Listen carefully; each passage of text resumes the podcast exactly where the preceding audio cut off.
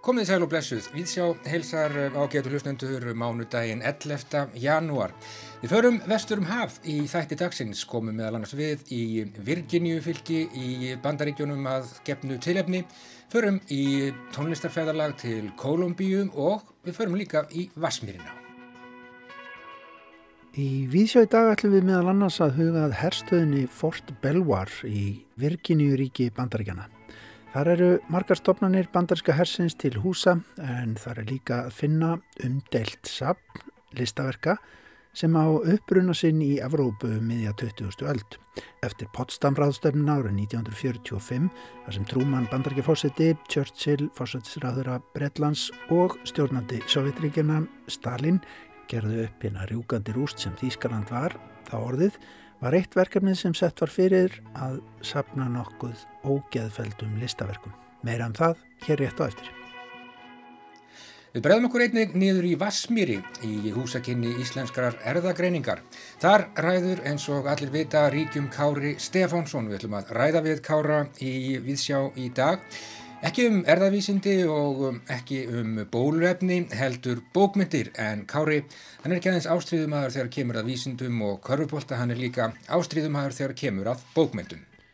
Varljótur Sigursson fer með hlustendur í ferðalag allarleið til Kólumbíu og fjallar í tónlistarhotninu Heyrandi nær um hérna förðulegu kólumbísku hljómsveit Meridian Brothers og stiklar á stóru í sögu Kumbíunar tónlistarstefnu sem að sennilega hefur aldrei verið vinsætli en emitt í dag með nýjum kynnslóðum sem hafa tekið hann upp á arma sína til að vika út og þennja. En við byrjum í Vassmýrinni. Við komum hérna uh, niður í Vassmýri í höfustöðvar íslenskrar erðagreiningar og þar ræður ríkjum eins og allir vita Kári Stefánsson. Ég ætla ekki að tala við hann um uh, erðavísindi nú eða bóluefni í dag, ég ætla að tala við hann um, um bókmyndir og hans bókmynda áhuga. Kári, ég veit að þú hefur um, mikinn áhuga á bókmyndum og þú hefur eiginlega ástríðu fyrir bókmyndum, er, hefur alltaf verið þannig?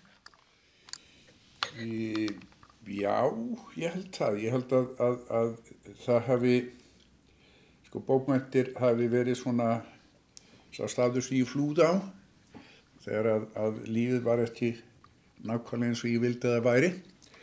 Og, og um, ég hef haldið affram að, að uh, nota bókmænti sem, sem uh, ekki bara uppbreyttu ánægi og hugmyndi heldur sem einhvers konar stjól ég, mm -hmm. ég lít á lestur bókmænta kannski að nokkru leiti eins og sumir líta á, á yngverfi íhugun, ég er að búi til pláss fyrir sjálfa mig þar sem ég er í stjóli fyrir því sem annars ergi mig og, og um, ég hef notað alls konar aðferði til þess að réttlæta þann tíma sem ég eiði að lesa bækur.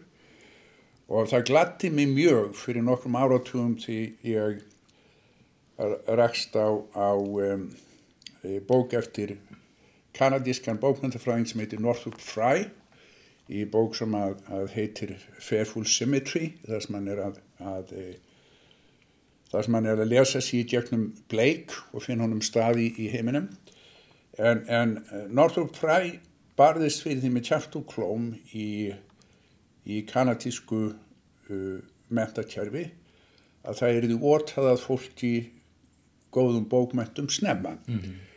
og hann meðal annars í fram að ef þú allar að, að rækta hóp af góðum vístamönnum þá ættur ekki að, að byrja að kenna þeim raungreina snemma þú ættir að láta það lesa góðar bókmentir vegna þess að tungumálið sé tækið sem við hugsun með Já. og til þess að þjálfa menni að, að hugsa nýjar hugsanir þá sé best að láta menn lesa mikið á góðum bókmöntum mm. þannig að, að ég hef svona hangið af þessu þegar Já. ég hef verið gaggrindu fyrir það eða ómillum tími að ég lesa bókmöntir En þú gefur þér tíma til að lesa? Ég geri það eins og oft eins og ég get mm -hmm. ég, ég fer í gegnum tímabild þar sem ég les mjög mikið og svo fer ég í tímabild þar sem ég les minna það fer, fer svolítið eftir hvað er að gerast í lífi minnu mm -hmm. og ég held að sé, sé rétt að á þeim tímum sem ég er að gera hvað mest í minni vinnu þá les ég mest Já. Ég, þegar ég les lítið þá er það vegna að ég er í einhvers konar lagð. Einmitt. Hvar svona, já, hvað, í hvað sækir þú helst og, og svona hverjir, um, hverjir eru þínir menn og þínar konur? Ég sæki mjög mikið í, í bandarískar og enskar bókmyndir. Já. E, ég les líklega jafn mikið af, af ljóðum eins og ég les af, af skáldsögum Mm og, um, og uh, uppáhalds uh, rithöndar mínir þeir breytast svolítið frá uh, einu tímabili til annars. Í, ég er mjög hrifin af, af, eh, af eh, nokkrum bandarískum ljóskaldum. Frans Wright er minn, minn uppáhalds, mitt uppáhalds ljóskald allra tíma. Já, Frans Wright var, var uh, sonur James Wright. Í James Wright fekk Pulitzer Prize í ljóðlist 1958 og, um, og Frans Wright held ég að sér eftir mér að fyndi Pulitzer Prize 2004 já, fyrir bók sem að, að heitir Walking to Martha's Vineyard. En Martha's Vineyard er eiga þannig að til þess að lappa út í Martha's Vineyard verður að tjetta gengið á vatni. og og um, það er að mörguleiti að skilja þetta nafn á þessu bók. Hann, hann hefði verið mikill mikill eh, fíkill, alkoholisti og, og uh, og drug addict, lifði á götum úti í New York í, í mörg ár. Í, þurkaði sig upp í kringum 2000 og, og um, í, skrifaði þessa bók sem er, er ber þess ennmerki að, að hann, er, hann er mjög fastur í, í hugmyndheimi AA og, og er mikið að hugsa um aðri mátt og svo framvegist þannig að það er sko beðlegt að hann hann hafi í þessari nafngift verið svona aðeins að, að tengja við, við hans aðri mátt en hann skrifar knöpp í óbóslega flott stjæmtileg ljóð er mjög ólíkur föður sínum í, í, í stíl yrtir töluvert um föður sinni Já. einhver síður er, er þessi fadir sem yfirgaf fjárstjölduna þegar hann var kort núngur í, og um, er mikill mikill tregi í þessu í ljónum sínum stöðuftarinn að samfara mann um að hann sé komin, komin yfir þetta en hann komst aldrei yfir þetta. Og þetta hefði mikil áhrif á allt sem hann sagði. Anna bandarist ljóskald sem ég er mjög hrifinir af er Mary Oliver sem er óbóslega ólík í Frans Wright, yrti mikið um, um uh, náttúruna, Já. óbóslega falleg, mjúk, þýð ljóð. Í, hún uh, varð nokkuð gömul, ég held hún hafi dáið í fyrra en, en, en ég er mjög elskur að hennar bókum Já. finnast þar óbóslega fallegar, óbóslega flottar bækur. Magnús. Mögnu, magnarljóðskáld. En þú fylgist, Kári, veit ég, mjög vel með því sem er að gerast bara hérna heima. Þú, þú fylgist vel með, með íslenskum höfundum. Ég, ég, ég, ég held að ég fylgist að sérstaklega vel með þeim, ég fylgist aldrei með þeim, ég, reyna að kaupa alla ljóðabækur sem gefnar út á. Íslandi og, og uh, ljóðið er, er heppileg neyslu eining fyrir mann sem vinnur mikið. Maður getur, maður getur sko sest upp í rúm og lesið eitt eða tvö eða þrjú eða fjögur ljóð og maður, maður þarf ekki að halda tengslum við eins og maður þarf sem er að lesa skaldsögur sem maður kemst kannski stundum ekki í eins títt eins og maður vildi. E, og um, en ég það er, ák, er ákvæmlega reythundar sem að ég les alltaf. Ég er, ég er mjög hrifin að Jóni Kalman les alltaf sem hann, hann sendir frá sér og um, ég finnst hann býsna skemmtilegur. En, en ég, eins og ég segi ég, ég leita oft, ég les meira af, af, eh, af enskum og amrískum bókmöntum heldur, heldur en íslenskum. Já, einmitt. og, og um, en, en uh, lest alltaf á skandinaviskum bókmöntum líka. Mér er gaman að, að eh, lesa á dönsku, norsku og sænsku mér skaman að, að, að hoppa aðeins pínulítið milli tungumála Já. að vísu ber þess að geta ég bjó í bandaríkjunum í 20 ár og á þessum 20 árum þá misti ég tengslinn við um, önnur tungumál heldur en íslensku og ennsku Mm -hmm. það er ekki fyrir en ég kom tilbaka 1996 að ég fór aftur að lesa Já. skandinaviska bækur sem að, að á sínum tíma höfðu mikil áhrif á mig og fólki í kringum mig Já. sérstaklega danskar bókmæntir voru áhrifamiklar í, Mm í, svona, í, á þessum sjöunda áratug. Hverjar helst? Eh, bara Leif, Panduro og, og, og, og uh, fólki í kringum hann þetta var, þetta var svona í, hann sem var svona hinn skandinaviska byrtingamind af J.T. Salinger kannski Mhm. Einmitt. En fylgistu vel með uh, talandum um það hvað þú varst lengi í, í bandaríkjónum einmitt, uh, uh, fylgistu mjög vel með, með bandarískum bókmyndum bara núna í samtímanum til dæmis? Sko ég á, á dóttur Já.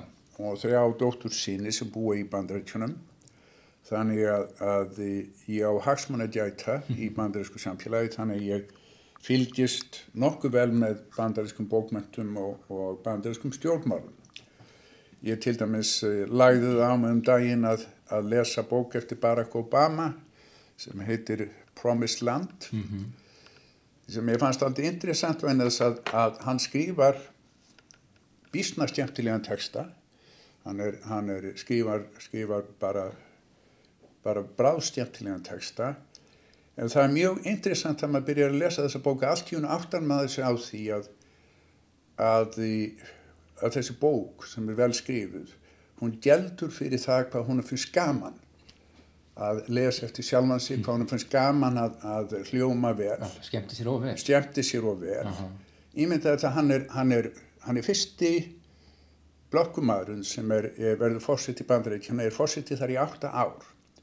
Og af þessum átta árum sem hann er fórsett þá batnar ekki ástandið ekkert í bandarændinum hvað snerti rasisma. Vegna þess að, að það var hún bara nóg, hann var kosin fórsettíð, þetta er svo spennandi, þetta er svo flott. Já. Bókin er stjæmtileg, hún er vel skrifuð, hún veitir manni innsæði inn í svona svolítið af þessum persónlugu atriðum sem fara inn í bandarík stjórnmála þessum tíma. En, en mér finnst bókin en megin gölluð fyrir það að, að þegar maður les þetta þá sér maður fyrir sér þannig mann sem er að springa af ánægi í því hvað hann hljómar vel. Hefur allt og gaman af þessu sjálfur. Já. Um, hvað ert að lesa núna, Kári? Hefur þú tíma til þess? Ég, sko, akkurat á, á þessu augnabliki þá er ég að- lesa bók sem ég hefði líklega átt að lesa fyrir, fyrir löngu síðan eftir Colin Whitehead sem heitir Underground Railroad. Já. Hann, hann fekk Pulitzer Prize fyrir það bók og ástæðan fyrir ég las hann er svo að ég, ég las bók sem hann fekk Prize fyrir í fyrra sem heitir Nickel Boys og Nickel Boys finnst mér heldur léleg bók, skemmtileg, mér finnst hún innföld Underground Railroad er, er flott bók Betri. miklu betri bók, Nákvæmlega. muna mjög miklu Já. Um, við sitjum hérna í húsakinnum íslenskrar erðagreiningar á einhver uh, fallegum mánudegi. Ég hlýt nú að spyrja þig svona bara í lokin, Kári, fyrst að, já það er nýbyrjað ár, 2021, hvernig, hvernig leggst það í þig og verður þetta allt í lagi? Ég held að þetta verði allt í fína lagi. -hmm. Ég held að, að, að þessi faraldur sem er gengið yfir sé í náttúrulega er búin að vera grá bölvöður, búin að valda miklum búsifjum í, í þessu landi. Ég held hins vegar að, að það hefur vissuleiti verið holdt fyrir þjóð að fara í gegnum þetta. Mér finnst fólk vera, þjóðum vera svolítið samhendari, heldur menjulega, svolítið öðruvísi. E, ég held að, að, að, að þetta gæti á endanum komið út eins og við höfum verið rebootuð eins og mann tala um þegar kemur á tölvunum að við komum út af þessu svolítið öðruvísi, ég vonast til þess. Og, og um, ég bara hlakka, ég hlakka til sumarsins, ég hlakka til þess þegar að til þess tíma þegar það verður búið bólusetja meira hlut af þjóðurinn og menn geta farið að, að þvælast meira hvort innan mannað. Já. Og maður getur farið að fara til útlanda og kaupa bækur, til dæmis? Já, sko, e, fyrir mér þá er þetta frí frá ferðum til útlanda verið nokkuð holdt. Á, á, á síðustu 25 árum er ég búin að fara alveg ótrúlega oft til bandaríkjana, til vestustranda bandaríkjana, til all, allra landa heimsumvurlega. Þannig að, að fyrir mér þá er það verið að við skulle til velkomi frí frá, frá ferðum. Ég segi bara takk fyrir spjallið Kári Stefánsson og ég held að ég uh, lesi bara Frans Rætt í, kvöld. Takk fyrir og gangið allt í hæginn. Já, Kári Stefánsson, fórstjóri íslenskrar erðakreiningar í Vassmýrinni í hátteginu. Á einhver fallegum mánudegi, einlega lesandi vikunar hér í Víðsjá, sílesandi Kári og um, já, hann horfir björtum augum fram á vegin, nýja árið leggst vel í hann og það er gott. Þetta verður allt í fína lægi, segði Kári. Já, það er nú aldrei hressandi skilabóð á þessum fallega mánudegi. En áður en að Lengri haldið í Vísjá í dag og hinn tónvísi og tónfróði maður Arljóttur Sigursson fer með okkur í tónlistarferðala til Kólumbíu ágættur hlustendur. Þá skulum við hingra aðeins við hér heima. Heyra íslenskan söng en samt danska tónlist sem á vel við á svona fallegum degi eins og hann hefur verið í dag hér á höfubarkasvæðinu að mistakosti með sína himnesku byrtu sem að fyrir að aukast með degi hverjum. Lægið heitir Ó Nata Lux, ljós af ljósi og er eftir danska tónskáldið Morten Lauritsen. Þar hörður Áskelsson sem að stjórnar söngsveitinni skólakantórum sem að ájú lögheimili í Hallgrímskirkju.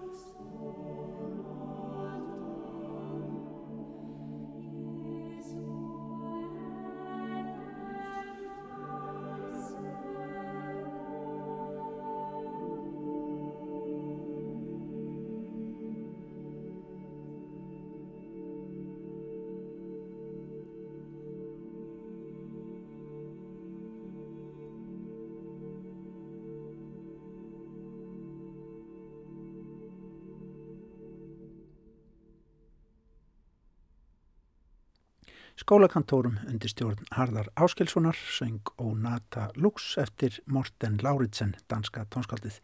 Þetta er að fyrirtagsblötu sem að Kammerkórin í Hallgrímskirkju sendi frá sér árið 2016 og heitir Mete Tatjó.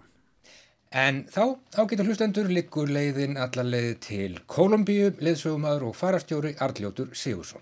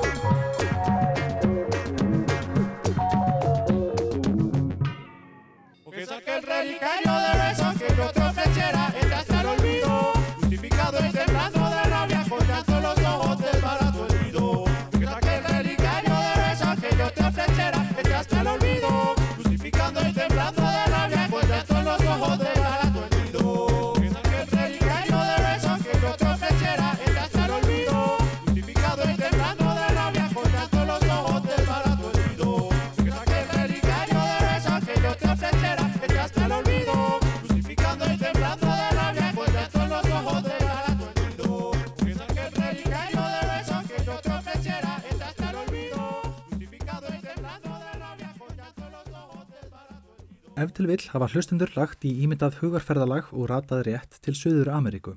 Hér heyrðum við lag Meridian Brothers Cumbia del Relicario af plötunni Cumbia Siglo XXI sem á íslensku væri minnisvarðar Cumbia af hljómblötunni Cumbia 21. veldar leikið af lengdarbögsbræðrum. Hljómsveitin var stopnuð árið 1998 af Eblis Alvarez í Bogotá, Kolumbíu. Þar starfaði Meridian Brothers í nokkur ár áður en Eblis stýrði sínum dýra knerri og hjælt til kaupmannahafnar í ráftónastarnám við konunglega listaháskólan. Aftur komin heim til Bogotá hellir hann sér svo út í músík og hefur stöðut verið að gefa út núna í yfir 15 ár. Aldinni þetta hefur svo útsprungið og orðið að hljómsveit, ferðast um heiminn og vakið lukku með sinni skrautlegu og skemmtilegu kumbíu. En hvað er nú kumbíja? Orðsifjarnar eru flóknar og ágreiningsefni en því er haldið fram að orðið hafi borist með afriskum þrælum sem töluðu bandu, hvar finna má orðið kombe sem þýðir að dansa. Að líkum lætur að nöfn brasilísku tónlistarstílana Macumba og Samba séu nánir ættingjar sama orðs. Í Kólumbíu hjælt danstónlist þrælana áfram að þróast og mótast á nýjum slóðum og blandast hljóðheimi innfættra úr frumskóðum Amazon og í stuttumáli varð úr hinn kumpánlega kolumbíska kumbia. Þessi stíl barst svo eins og eldur í senu um Suður-Ameríku og lifir enn í dag góðu lífi í fjarlægastu krókum og kemum heimsálunar og víðar. Fyrstum sinn var þetta, tja, söðsvört almúgamúsík og ekki fyrir heldri stjættirnar en viðhorði breyttist og í dag er kumbian yfirlýstur sérstakur menningararur Kólumbíu og litið á hana sem framlag Kólumbíu til heimsmenningarinnar. Þó álíka erfitt sé að reykja ættir kumbíunar og það er að finna upptök Amazon fljóðsins. Hlýðum nú á lofttræðslu kumbíuna Vertigo frá árinu 2015 í flutningi Meridian Brothers.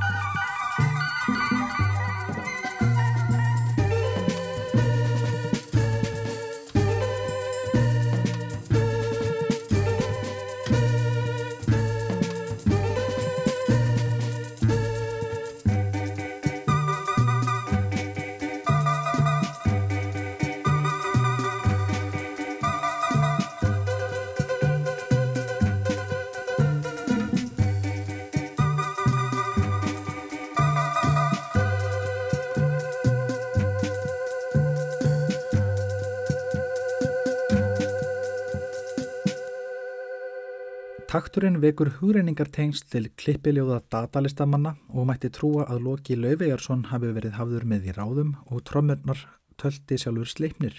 Hér er á ferðinni fjörlegur bræðingur, mögulegur innblástur frá tilrönum Residents og Captain Beefheart svo eitthvað sé nefnt. Í þessum miðameríska suðupott mallar svo Eblis Alvarez og Kumbíu kompanið tónlistarhærigraut sinn með ángan af Kurulao og keim af Vajanato fínstiltum stílbröðum kumbíunar og salsa með. Greinilegt að gaman er í eldhúsi bandsins og að þar megi finna leiniuppskrift sem veitir þeim sérstakann blæ og fingrafar. Já, kumbían er enn að þróast og finna sér nýja árfarvegi og heyrist vel á tónlist Meridian Brothers að þar nýtur kumbían frelsis til útvíkunar og formið finnur ekki á sér þenslu mörg. Endum þetta erindi svo á brag Meridian Brothers Yo soy tu padre, yo te fabrica. Heyrandi nær þakkar hlustununa að þessu sinni. Góðar stundir.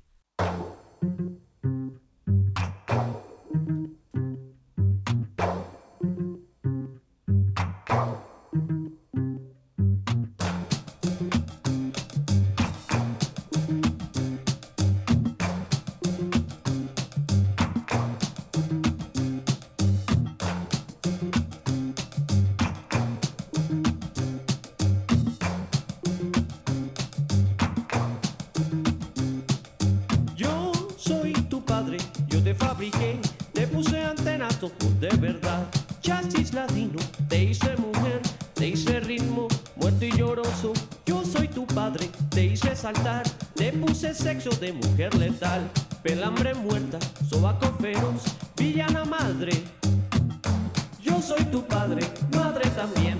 Yo soy tu padre, madre también. Yo soy tu padre, madre también. Yo soy tu padre, madre también. Barman me asesina, pero eso me llena de alegría.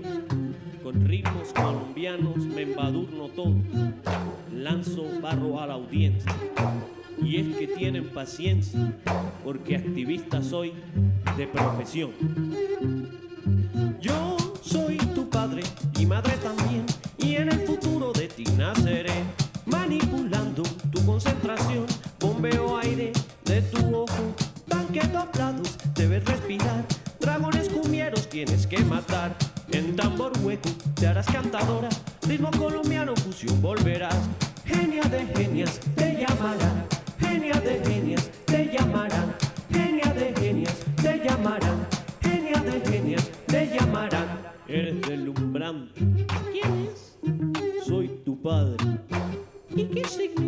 bambuco? Bambuco es una lucha perdida. ¿Y por qué es una lucha perdida? Porque los que lucharon con esa espada se están pudriendo en la cárcel. Ritmos confiados, toca tu tambor, canta las desdichas de tu pueblo. Cadera incordia, lengua lamera, todo por el suelo de la trova. Eres la diva, copa final, villano del ritmo te llamará. Como sobaco cual decoración. Yo soy tu padre, madre también. Yo soy tu padre, madre también. Yo soy tu padre, madre también.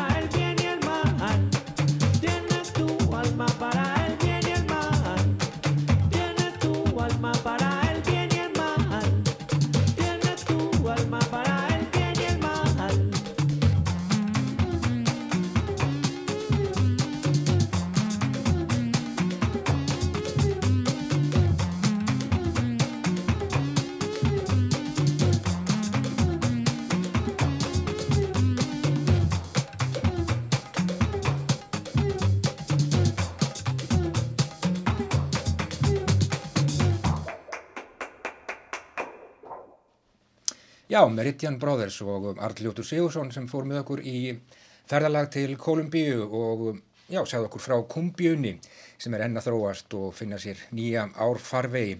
Heyrum aftur í Arljóti hér í Víðsjá að viku liðinni. Og þá förum við í huganum um minnstakosti norður frá Kolumbíu og til eins af ríkinum í hinnum gríðarmiklu bandaríkjum og þegar maður hugsaður til þessa ríkis í bandaríkjunum þá kemur ekkert annað lag upp í hugan en einmitt þetta hérna. Almost heaven, West Virginia, Blue Ridge Mountains, Shenandoah River. Life is old there, older than the trees, younger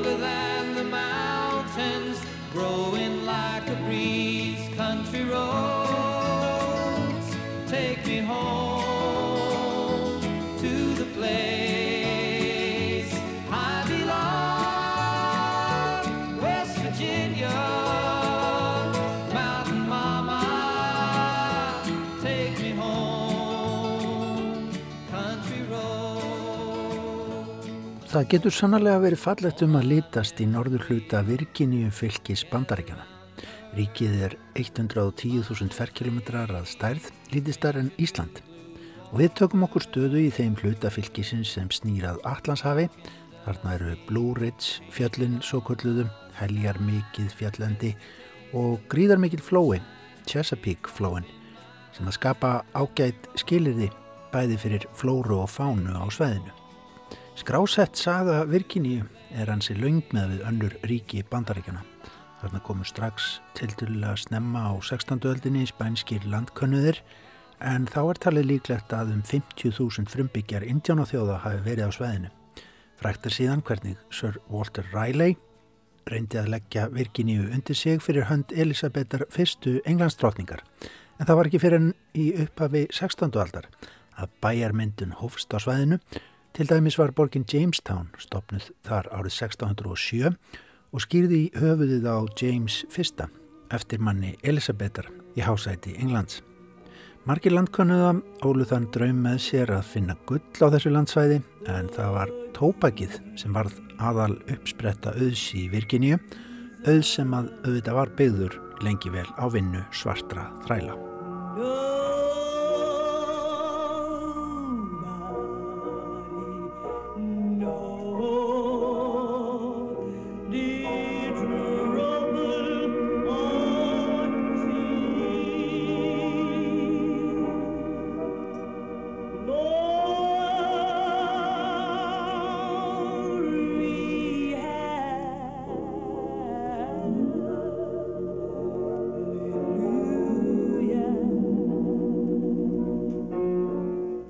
Þarna við Chesapeake flóa í Fairfax síslu Virginíu er að finna Fort Belvoir, mikla herstöð sem að hýsir fjölmarkar stopnarnir bandariska hersins, sumar þeirra í glæsilegum gömlum húsum sem að ná allt aftur til nýlendutímans og eru einmitt byggð á auðnum sem skapaður var með þrældómi og kúun. Þessi arfleifð og umræðum hana blossaði upp nýlega í tengslum við Black Lives Matter reyfinguna eftir morðið á James Floyd en nafn herstöðarinnar, Fort Belvoir, er dreigið af einni plantegrunni sem að þarna var starfrækt á sínum tíma. Þarna í Fort Belvoir herstöðinni eru til viðbútar við herdeldir sem að þar eiga bækistöðar, ymsar stopnarnir hersins en árið 2017 var ákveðið að hefja þar uppbyggingu á sögusafni bandariska hersins sem auðvitað á að verða riðsja stort þegar það verður tekið í gagnið og mun taka yfir eina 34 ferkilometra. Skinljanlega fellur til ímislegt í rekstri slíks batterís og bandariski herin er en í geimslumanns í Fort Belvoir er líka að finna greipi sem eiga sér heldur betur vafasama sögu. Svo vafasama að þeir munu líklega aldrei fara upp í sölum sapsins þegar það kemur loksins til sögunar. The Autobahn in this area is used as an airstrip by liaison pilots of the field artillery. Normal traffic is not interfered with. In addition to the main upper section of the superhighway, American motorized equipment moves toward the front along the underpass.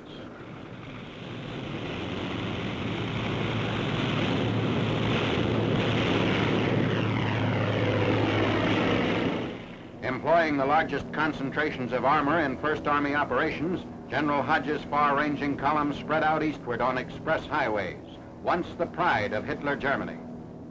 Í bandaríska vikutímaritinu The New Yorker var nú í síðustu viku fjallað um greipina sem hér um ræðir og því líst hvernig bandarist herlið eldi þýska hermenn í raun og veru smiklara við tjekknesku landamærin á síðustu dögum síðari heimstyrjaldarinnar.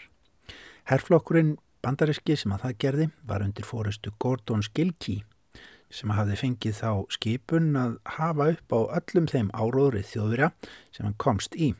Þar á meðal hverskins myndlist sem að þriðjaríkið hafði skreitt sig með og upphafið málstæðin. Starf Gilkís og manna hans gekk vel, svo vel að tveimur árum eftir að stríðinu laug gekk hann frá mikill í sendingu á þúsundum listaverka, áróðusverka sem voru Hitler og hans pótintátum þóknanleg í skip á leið til bandaríkjana. Og þessi sending er nú öll í hita styrðri geimslu í Fort Belvar herstöðinni í Virginíu. Geimslutnar eru í umsjón stopnunar sem að heitir US Army Center of Military History sem að sér um gríðalegt sapngreipa úr styrjöldum bandarækjamanna og sapnar líklega enn. Og þangað fór bladamæður New Yorker Dexter Filkins nýlega til að leita uppi greipi úr fórum nazista, opna tíma hilki frá myrkum tíma eins og hann orðar það sjálfur í greinsinni. Í safninu ægir öllu saman, þarna er mikið magn vegspjalda og dreifimiða ímiskonar, hreinræktaður áráður fyrir mikilvægi stríðsins, myndum yfirburðum aríska kynstopsins og nöðsynlegri personadýrkun á fóringjanum. En þarna er líka varanlegri verk, stittur og málverk, til dæmis brjóstmyndir af Adolf Hitler sjálfum og líklega frægasti gripurinn, málverk eftir Hubert Lansinger sem heitir Fánaberin. Þetta er bannertrekar og sínir Hitler á hlið, sitjandi á svörtum hesti í miðalda brinju uppur og niður með sverð í annari hendi en fána, já, hakakross í hinni hendinni. Þessu skjálfilega málverki, skjálfilega í margvíslegum skilningi þess ors, er sem sagt ætlað að sína Hitler sem eins konar krossfara nýra tíma, tengja þannig við þýska sögu. Það er reyndar gat á málverkinu eftir það þegar bandarískur hermaður kom að því og stakk strax í gegnum það með bissusting sínum. Skiljanlega hefur ekki verið gert við verkið.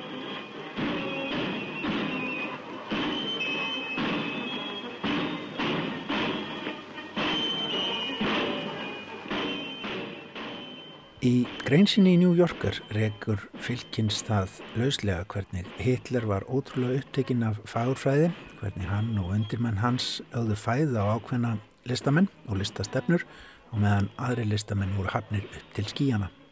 Talaður um síninguna frægu árið 1937 í München þar sem að nazistatnir síndu úrkynjaða myndlist að mati þrýðaríkisins Hún var dregin saman úr söpnum víða um Þýskaland til að vara við því hvert samtímalistin var að stefna, að mati yfirvalda.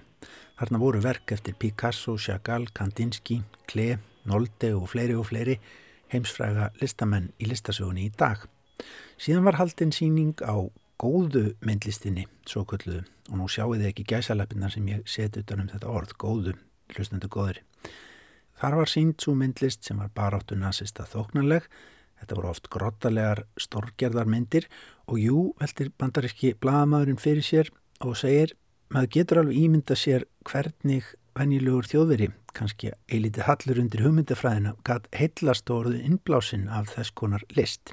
Þó góð sjón yfirleitt ekki í neinum skilningi.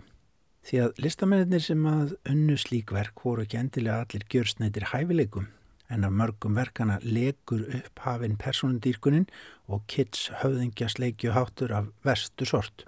Eitt málverkið sínir Adolf um það leiti sem hann gerði misefnaða valdaránstilrun sínan í München árið 1923. Þetta er einhvers konar málverk af fæðingu stefnunar og lendi síðan í fangjasi fyrir vikið þar sem hann skrifaði Mein Kampf.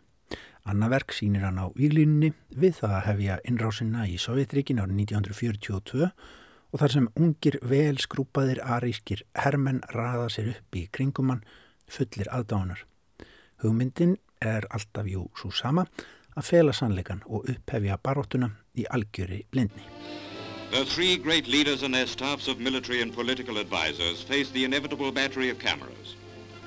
Through five and a half years of war, we have long awaited this moment of the Churchill-Roosevelt-Stalin meeting, the Grand Alliance. At this point in our history, we know that Germany is to go into a straitjacket of Allied-imposed discipline. The blueprint of its future has been drawn, signed and sealed. Let a quotation from the communique issued from Yalta speak for us all. It is our inflexible purpose to destroy German militarism and Nazism and ensure that Germany will never again be able to disturb the peace of the world. Gordon Gilkey og herrflokkur hans sapnaði í allt 8722 grepum, teikningum, málverkum, skissum og slíku í leitsinni. Hann var einn þeirra sem að gerður var út í þessum tilgangi undir lókstriðsins eftir að Truman, Churchill og Stalin hafði ákveðið að slíkan áróður ætti að gera upptækan á raðstöfnu sinni í Potsdam sömari 1945. Þegar verkinn voru komin yfir Allandshafið þá flæktist þetta sapn um milli bygginga alríkisins en fyrst árið 1950 og síðan árið 1982 var einhverju af verkum skilað til Þýskalands, verkum sem ekki beinlýnis upphófu nazismann sem satt litlum hluta verkana. Hugmyndin, allt frá fundahöldunum í Potsdam 1945 var að bandaríkinn tækju þessa list nazismanns sem réttilega má líklega kalla úrkynniða list til varðveislu en ekki til eðileggingar.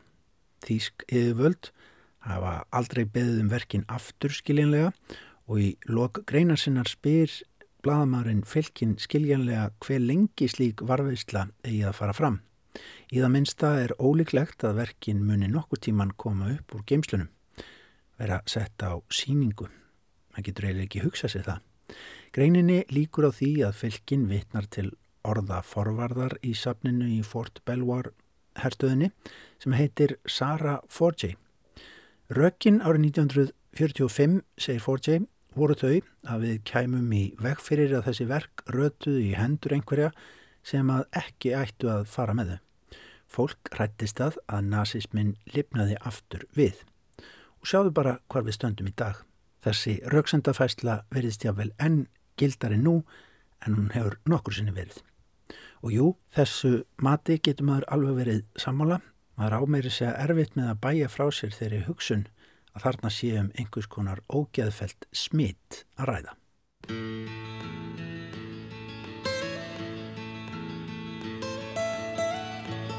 almost heaven. West Virginia, Blue Ridge Mountains, Shenandoah River. Life is old there, older than the trees, younger than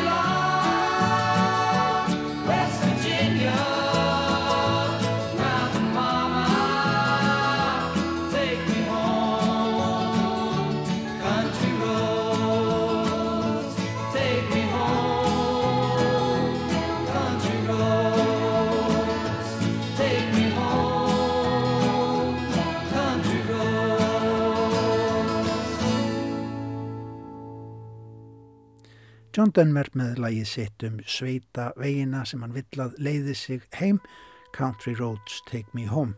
Óður til Virginíuríkis, náttúrunnar sem að þar er, en þar er líka fjölmarkar stopnarnir bandaríska hersins og meðal annars þetta sérstaða sapn sem við sögðum frá sapn myndlistar sem að ætlað var að hefja þriðjaríkið upp til skíjana á sínum tíma. Og svona líkur þessu hjá okkur í dag við sjá hér aftur á sínum stað á sínum tíma löst eftir klukkan fjögur á morgun. Takk fyrir samfélgina í dag, verið sæl.